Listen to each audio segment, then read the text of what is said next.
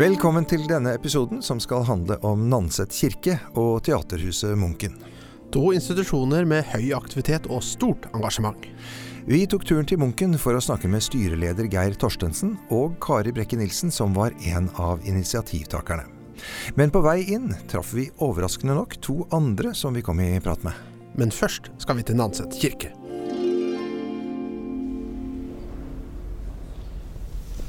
Jeg er i Nanset eh, kirke hos eh, sogneprest Olav Aavik for å snakke litt om eh, kirken som kulturhus.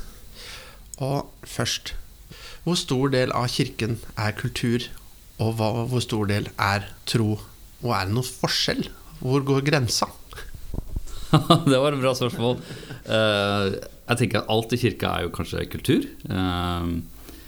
Jeg er litt glad i historie og litt, sånn, og litt semantikk, og jeg tenker eh, det historiske ordet for kultur eh, fra latinske kultur betyr å dyrke og pleie jorda.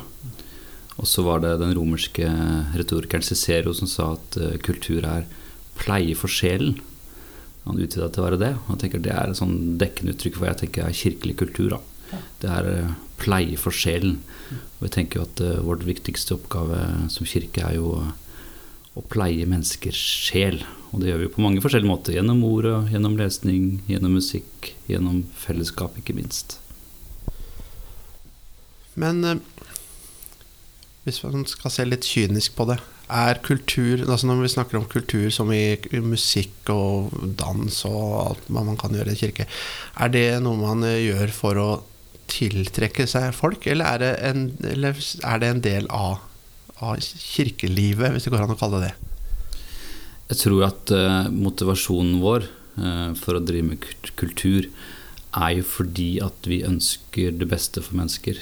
Vi ønsker at mennesker skal leve gode liv. Uh, og i, bunnen for all kirkevirksomhet så ligger jo misjonsbefalingen for Jesus om at vi skal gjøre alle folkeslag til disipler. og Det høres jo veldig sånn skjematisk ut, og det ligger jo til bunn, men, uh, men, Jesus snakket også mye om at vi skal elske hverandre, vi skal være gode med hverandre. og det er kanskje vårt kall i lokalsamfunn å, å sørge for være en aktør i samfunnet for at skal, vi skal få lov å kunne leve gode liv, da.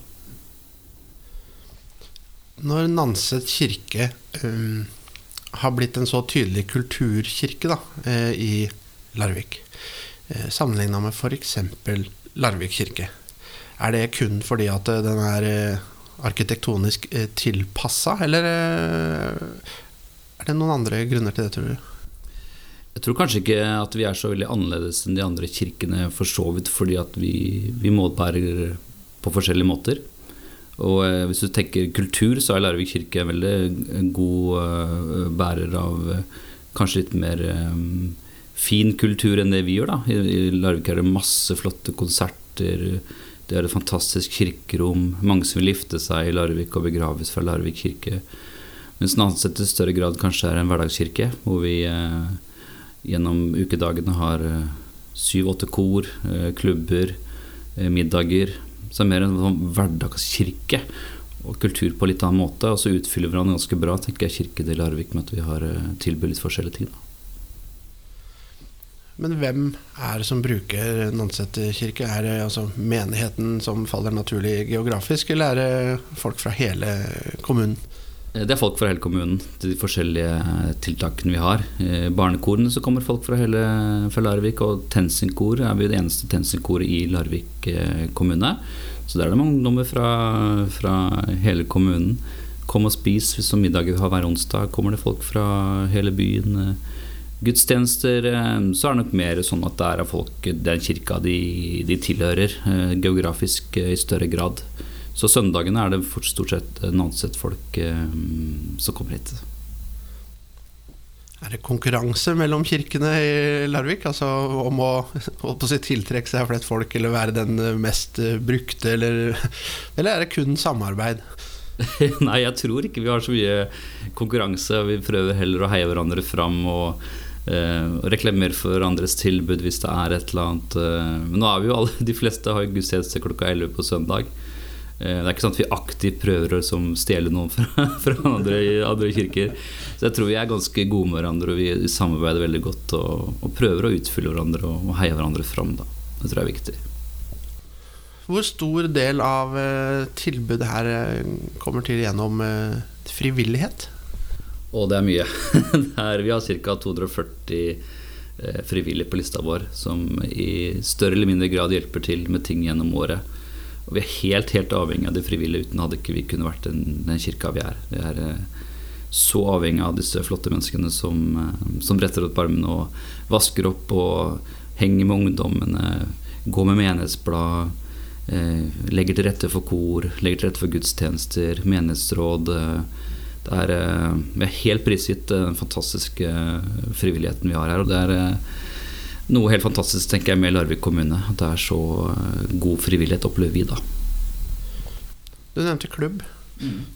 Ungdommen er jo vanskelig å rekruttere til mange områder. Og jeg vil tro at det er ikke noe enklere å rekruttere ungdom eller få ungdom inn i kjerka enn andre steder. Hva er det dere gjør for å få til det så bra?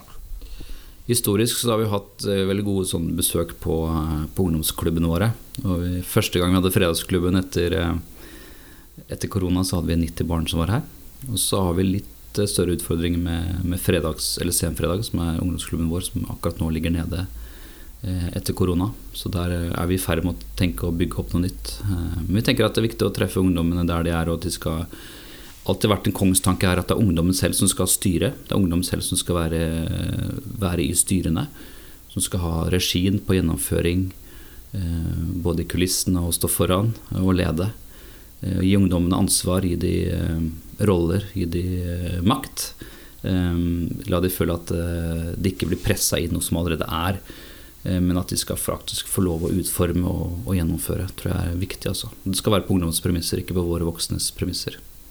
For oss er det viktig med lavterskeltilbud. Da. Det skal ikke være sånn at det skal være skummelt å komme på en klubb i Nanset. Selvfølgelig, alle vet at vi er en kirke. At de får et gudsord innimellom. Men sånn lav terskel og stor takhøyde har, har vært viktig for oss. Dere er jo gode på å få folk inn i kirka. Men for at kirka skal være en del av samfunnet, så må jo også kirka ut. Mm. Eh, og det er min påstand, da. At kirka ofte er litt usynlig utafor sine egne vegger. Er det riktig oppfatta, og i så fall hvorfor er det sånn, og hva kan man gjøre? Jeg tror det er ganske egentlig riktig oppfatta. Jeg vet ikke hva grunnen er, men vi, liksom, vi har dette huset her hvor alt skjer.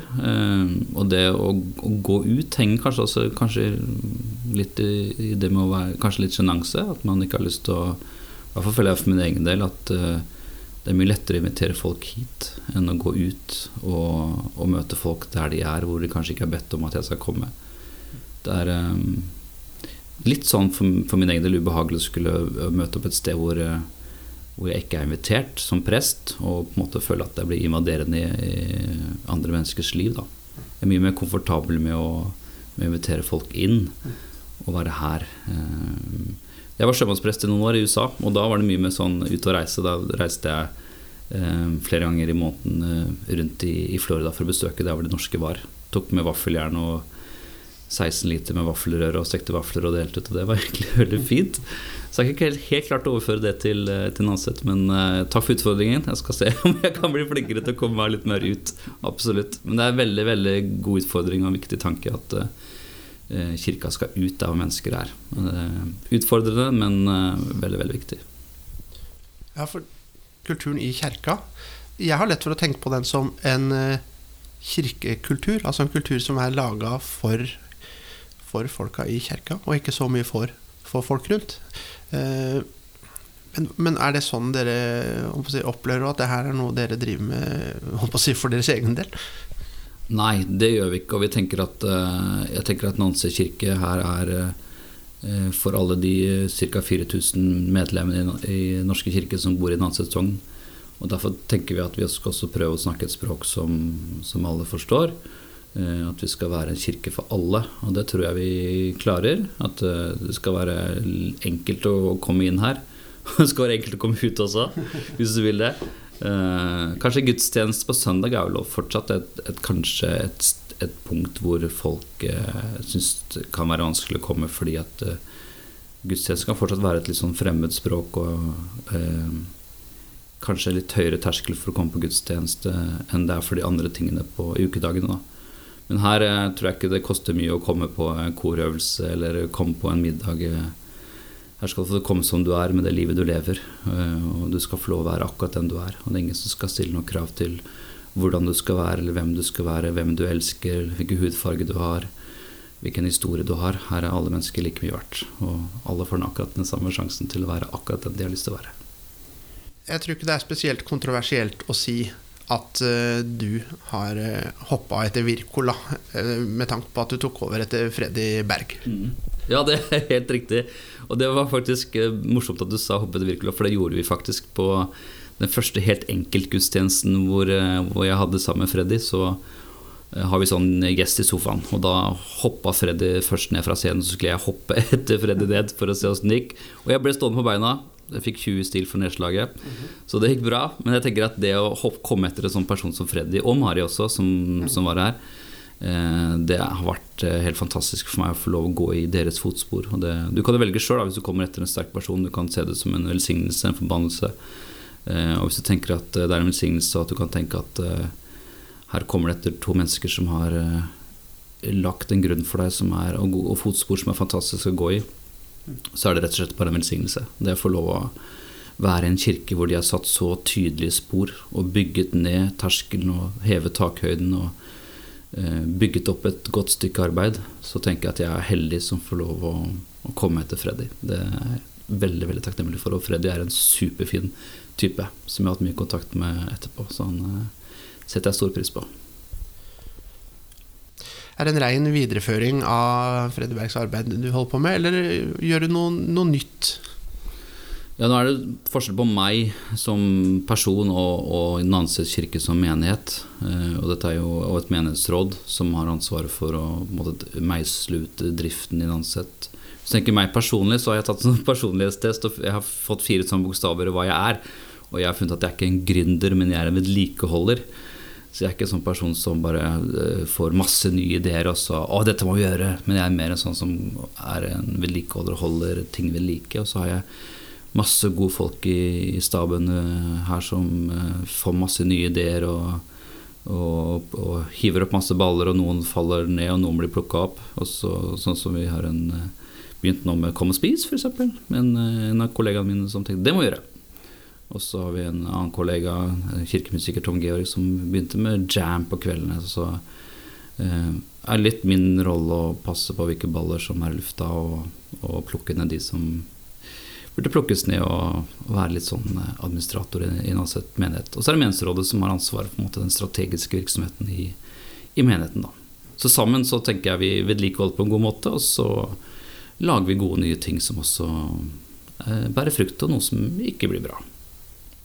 Men dere, i mangel av et bedre ord, produserer jo kultur uh, sjøl her. Men, uh, men, henter dere inn andre også?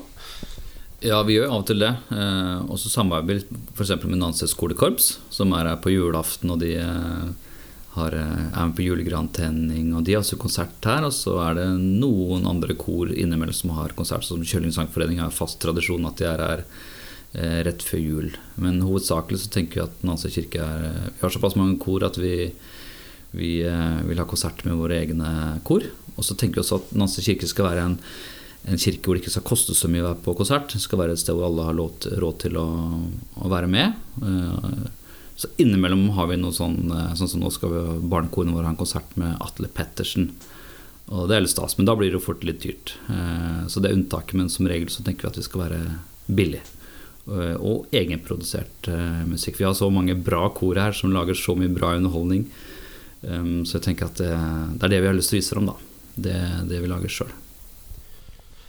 Men kultur er jo ikke bare underholdning. Kultur har jo en funksjon, eller mange funksjoner. Og en av de er jo å, at man skal utfordre litt, da. Ikke sant? Uh, uh, Tenker dere noen gang på å utfordre? Altså dere, Gjør dere ting som er kontroversielt for å utfordre, eller er det litt eh, konformt i forhold til den tradisjonelle kirketankegangen? Jeg tror ikke vi kanskje utfordrer så mye.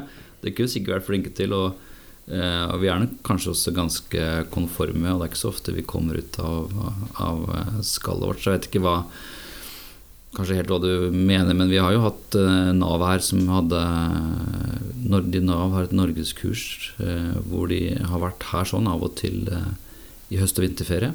Hvor kirken har vært fylt opp av muslimer, og vi har vi åpner kirkerommet, da, tenker jeg, for de som, de som ikke bruker det vanligvis. Tenker at det skal være mange som skal kunne bruke, bruke Nanse kirke til mye, også til kultur. Så hvis folk spør om å få låne Nanse kirke til et land, så er vi ganske fleksible på både låne ut og leie ut, og tenker at eh, vi har lyst til å være en aktør i lokalsamfunnet som eh, folk kan dra veksel på kirka vår. Da. Det kan være noe som kan bety noe for mange. Ikke nødvendigvis bare kirkelig aktivitet, men også samfunnsnyttige eh, som kan komme flere til gode. Kan, kan, det bli for mye kultur? Eller altså kan kirka bli for åpen? Sånn at det går Altså at, at det viskes litt ut da, hva egentlig kirka er?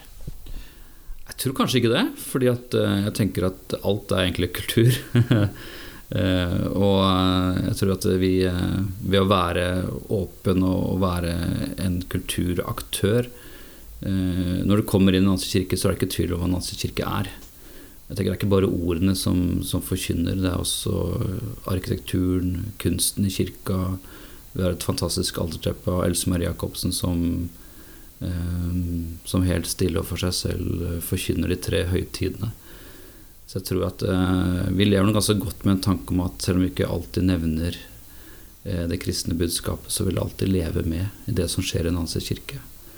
Eh, og vi har kanskje tradisjonelt vært en kirke som ofte har tenkt kanskje ja, litt satt på spissen kvantitet foran kvalitet. At vi tenker at uh, vi vil ha med mest mulig. Uh, flest mulig på mest mulig. Og så uh, har jeg veldig sansen for det som Frans av Assisi sa, du skal forkynne evangeliet om nødvendig med ord.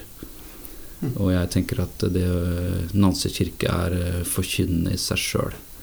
Og jeg tenker at det er ikke alltid så nødvendig å si ting med ord, men heller med, med hvem vi er, og hva vi er, og hvordan Nancy kirke er.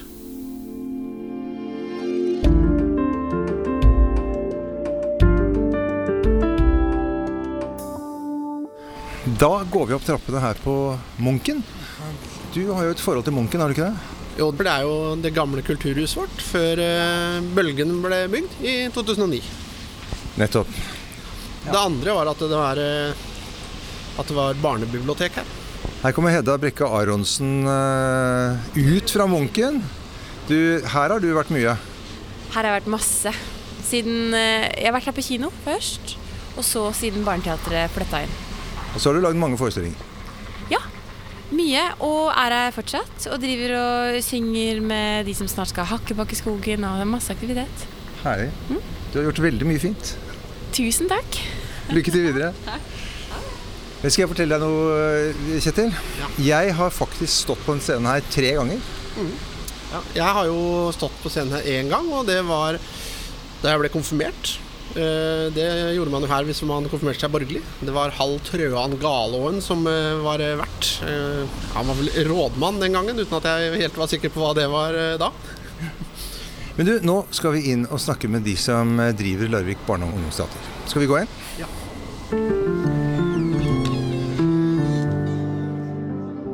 Vi var så heldige at vi snublet over deg, Anne Ringheim. Du er jo her nå som mor. Ja. Men vi har noen spørsmål til Ane Ringheim eh, ved Larvik museum. Eh, og det er, eh, nå er det jo 100-årsjubileum her for denne bygningen. Eh, kan du fortelle litt om eh... Ja, det var jo sånn at, eh, at Larvik trengte jo et, et kinobygg. Hadde, eller Kinoen i Larvik hadde levd en litt sånn omflakkende tilværelse helt fra helt fra man begynte å vise film i Larvik, eh, det var vel i 1903.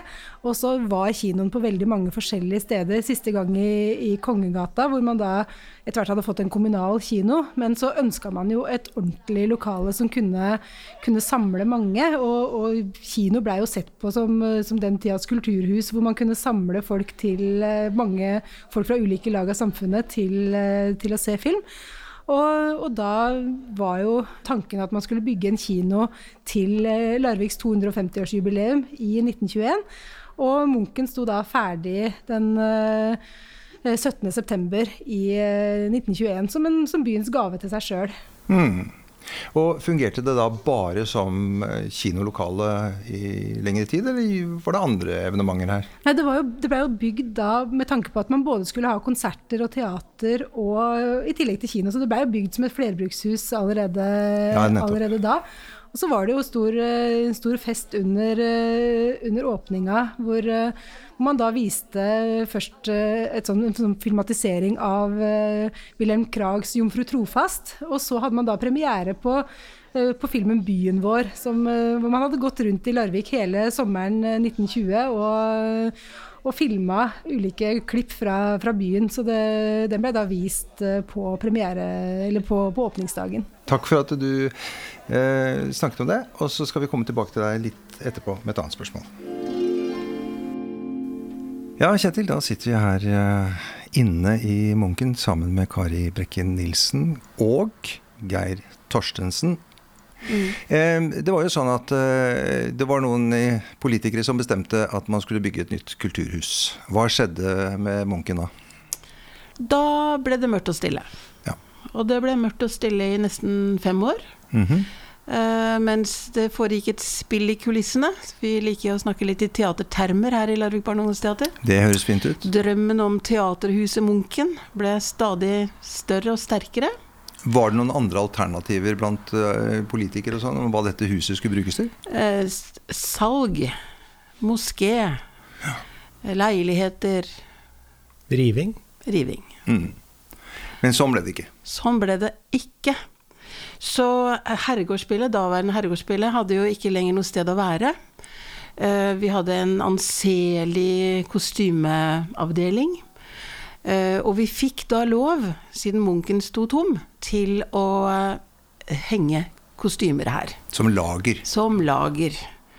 Og vi brukte da dager på å transportere kostymer fra herregården, hvor de hadde vært, til det som nå heter Speilsalen i Teaterhuset Munken. Eh, I andre etasje der hvor mange kjenner som biblioteket og mange andre aktiviteter hadde vært. Det så rimelig bomba ut. Så vi gjorde hva vi kunne for at eh, de kostymene kunne få et, eh, et triveligere oppholdssted. Mm. Så der begynte det. Men da hadde dere noen planer, som du nevnte så vidt her, om eh, et teater. Et teaterhus. Ja. Ja. Så i min terminologi så opphørte Munken å eksistere, og Teaterhuset Munken overtok i ca. 2011. Mm. Da var det eh, litt sivil ulydighet. Vi tillot oss å ha noen eh, helårskurs innendørs. Vi hadde tidligere hatt sommerkurs i Herregårdshagen, eller i eh, Borregaarden. Eh, og nå ønska vi å ha kurs for ungdom og barn, eh, litt på helårsbasis. Og vi fikk eh, tillot oss å bruke scenen, kafeen, litt sånn. Og det var jo da i et bygg som ikke engang hadde brukstillatelse, skal Nei. sies. Men det snakker vi jo ikke om. Det fant vi jo litt ut etter hvert. Vi lar det bli rundt dette bordet. Ja. Og øhm, det endte faktisk med at vi måtte emigrere. Så vi hadde kurs borte på fabrikken i Kongegata, vi hadde kurs i eh, Slipperiet. Så vi levde en litt omflakkende tilværelse til å begynne med. Eh, Men drømmen om teaterhus, den var allerede tent og øhm, levende. Så vi øhm, søkte penger, midler, til å kunne sertifisere dette huset på nytt. Og vi prøvde å komme i posisjon i forhold til kommunen om å leie ut huset til oss, altså den gang Herregårdsspillet, slash Larvik barne- og ungdomsteater. Um, Larvik barne- og ungdomsteater ble en selvstendig avdeling og fikk da sitt eget navn etter hvert. Og vi fikk eh, 900 000 fra Gjensidige stiftelsen Ja. Som vi kunne da bruke til å realisere teaterhuset vårt. Mm. Var det betydningsfullt å få en sånn klekkelig sum overfor politikerne her i Larvik? Ja, det var det nok. Det var vel avgjørende nå for at han skulle fortsette her. Vi, eh, vi holdt jo på å besvime. Det var jo årets julegave i 2011. Og i eh, 2012 så brukte vi jo det som eh, eh, Hva skal jeg si? En liten sånn brekkstang inn mot Larvik kommune. Ja. At vi hadde faktisk penger til å sertifisere scenen. Vi hadde penger til nye toaletter. Det var penger i det. Sånn at eh, vi kunne da være med å, å bruke disse midlene som en del av husleia. Mm. Men veien, den eh, ble ganske lang, selv om vi hadde kroner. Ja, fordi det var jo litt motstand også eh, blant eh, politikerne en periode. Det var nok mange som trodde at dette her var urealiserbart. De trodde nok at her var en gjeng med idealister som egentlig ikke visste helt hva de snakka om. For det er klart at eh, en em, kulturinstitusjon krever kanskje mer enn bare noen teaterglade folk som bretter opp armene. Og så hadde jo Larvik kommune bygd et kulturhus, og de skjønte jo ikke helt poenget med å, å vedlikeholde ett til. Eh, men det er klart at det huset her inneholder noe helt annet enn det Bølgen har. Mm. Eh, og er jo et, eh, et tilskudd til Bølgen, mer enn at det er et selvstendig hus. Ja. Eh, Men det var kanskje ikke så lett å se det eh, for noen år siden. For det er jo noe dere har bygget opp. Helt klart. Vi eh, sa jo at vi har produksjonslokaler. Vi hadde muligheter her, hvis vi fikk det, til å ha eh, rekvisittverksted, til å ha scenografimuligheter. Eh, altså det jo, dette bygget her rommer så mye. Eh, og Bølgen har jo en visningsscener. Eh, Så vi ville jo gjerne være i samarbeid med Bølgen, men vi så jo også at vi ikke hadde økonomi til å bruke Bølgen som vårt sted. Eh, For eh, vi var jo en forening som hadde bare inntekter av eh, medlemmer og kurs eh, eh, som vi holdt. Og eh, ønsket om å øke kursfrekvensen, den var jo der. Men da var vi jo avhengig av å ha, disponere et eh, tilhold, eller et sted, da. Mer enn det vi hadde. Mm. Mm.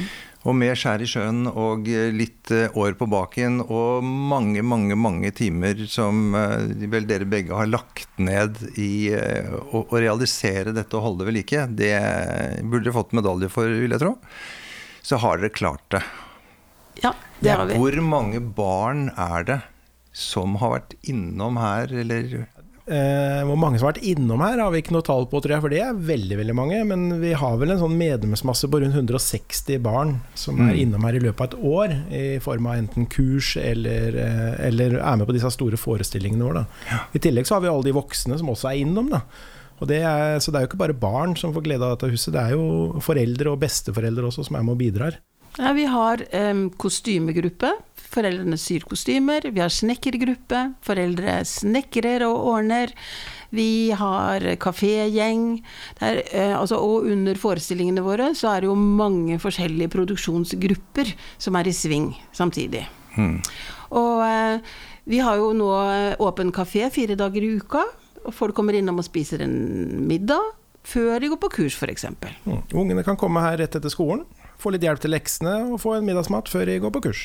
Det er teater-SFO. Mm. Teater-SFO. Det burde hett det. Men et sånt, eh, et sånt hus som det her for et barne- og ungdomsteater, det er jo altså er det noen andre, Har dere noen andre dere kan sammenligne dere med? Er det noen andre barne- og ungdomsteater som på en måte har sånne lokaliteter som dere vet om? Ikke som jeg vet om, men det er veldig mange som ønsker å ha og det som vi har. Mm. Og vi, vi har nå et samarbeid med Kristiansand barne- og ungdomsteater, som nå setter opp Juleskurken, som er en forestilling vi har hatt der i tre år på rad. Ikke på rad, men eh, tre år etter hverandre. Mm. Eh, og de leier nå alle våre kulisser og kostymer, og de har vært her og sett, og de, de kan ikke få rost det nok i forhold til mm. å ha et eget hus og kunne utfolde seg på den måten vi gjør. Da. For det rommer så mye mer enn bare den, det man ser på scenen eh, under en forestilling eller noe vi arrangerer her. Da. Det Ja. er så mye mer. Det er jo utrolig mange mennesker som har et forhold til Larvik barne- og ungdomsteater. Veldig mange. Det er stas. Vi har hatt 36 egne produksjoner her i huset Mhm. fra vi flytta inn i 2012. Og det er jo imponerende. Ja. Store og små, selvfølgelig. Men det at alle som er her, føler at de eier huset, de er medeiere, det er gull. Vi har altså Nå skal jeg vel kanskje ikke si det så høyt, Geir, men ting blir ikke borte her. Eh, folk passer på tinga. Det er et um, hjerte for huset som vi opplever genuint hos små og store. Ungene kommer fra skolen, de slenger fra seg skolesekken, og så sier de 'Å, nå er jeg kommet hjem'. De har fast plass i kafeen. Her sitter jeg. Folk velger å ha konfirmasjonene sine her, for det er deres annet hjem. Og foreldrene er trygge for ungene sine her. Geir og jeg har også konfirmert oss her sammen. Ja, det er helt Faktisk. Det er En stund siden. Men jeg er jo oppvokst i dette bygget her. Jeg har jo vært i, i dette bygget her siden jeg var fem år gammel. eh, Når eh, min mor og far eh, drev Larvik Teaterforening. Ja. Så det var jo veldig hyggelig for meg, for jeg kom jo på en måte inn i Larvik barne- og ungdomsteater til dekka bord. Det var jo noen andre som har gjort den jobben som Kari har snakka om eh, her nå tidligere. Så mm, fem år etter at de hadde starta, da kom jo jeg inn i bildet. Og har prøvd å, å dra dette videre. Hva er eh, drømmene fremover? Eh, Drømmene fremover, det er drenering. Ah, Drenering, drenering, drenering. Fordi at dette bygget her bærer preg av en eh, innsig av vann. Dessverre. Det er jo 100 år gammelt. Det hadde fortjent en bedre skjebne enn det det har. Vi har ikke økonomi til å ta den biten. Vi holder bygget ved like innvendig. Men annet som vi skal gå og se på salen etterpå, så ser vi jo at freskene i den fantastiske salen eh, er i ferd med å forvitre. Det er ikke menneskeskapt. Det er altså naturen som tar bygget. Så det er drøm. Å rehabilitere salen. Få støvsugd tak og vegger. Det hadde vært en drøm. Nye vinduer. Ikke sant? Ja. Vi har mange sånne ting. Så det er litt billigere å drifte, da, sånn, for vi Ja. har noen hundre tusen i strømutgifter i året. en sunn bygning, Ja. rett og slett. Ja, for det som lever i bygget, altså jeg mener energien hos de som er med, den er på topp. Den er på 110. Vi bare ønsker lykke til, vi, og håper alle drømmer blir realisert på en eller annen magisk måte. Og det har vi all trua på at det blir. Happ. Ja, hei igjen, eh, Anne Ringhaug. Hei. Nå har vi kommet inn i salen. Og når vi går eh, nedover her, så kunne jeg stille spørsmålet hva, eh, hva er det for noe med disse maleriene? Jo, dette er jo veldig, veldig fine freskomalerier. Eh, som, eh, sant, når Munken ble bygd i 1921, så, så sørga jo byggekomiteen for at det ble en storslagen eh, utsmykning på, på bygget.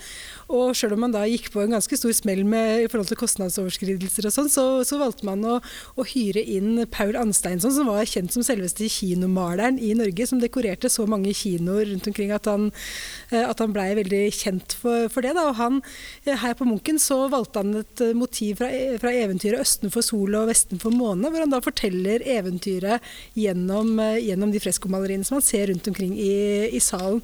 Og det som er liksom spesielt her på Munken, er, er at det er det eneste ved siden av Ålesund, så er det her det eneste stedet hvor de maleriene fortsatt finnes. Han malte jo veldig mange kinoer, bl.a. Colosseum kino i Oslo, men eh, alle har blitt overmalt eller bygningene har blitt revet, så Munken er et av de få stedene hvor man fortsatt kan se hans eh, malerier. da.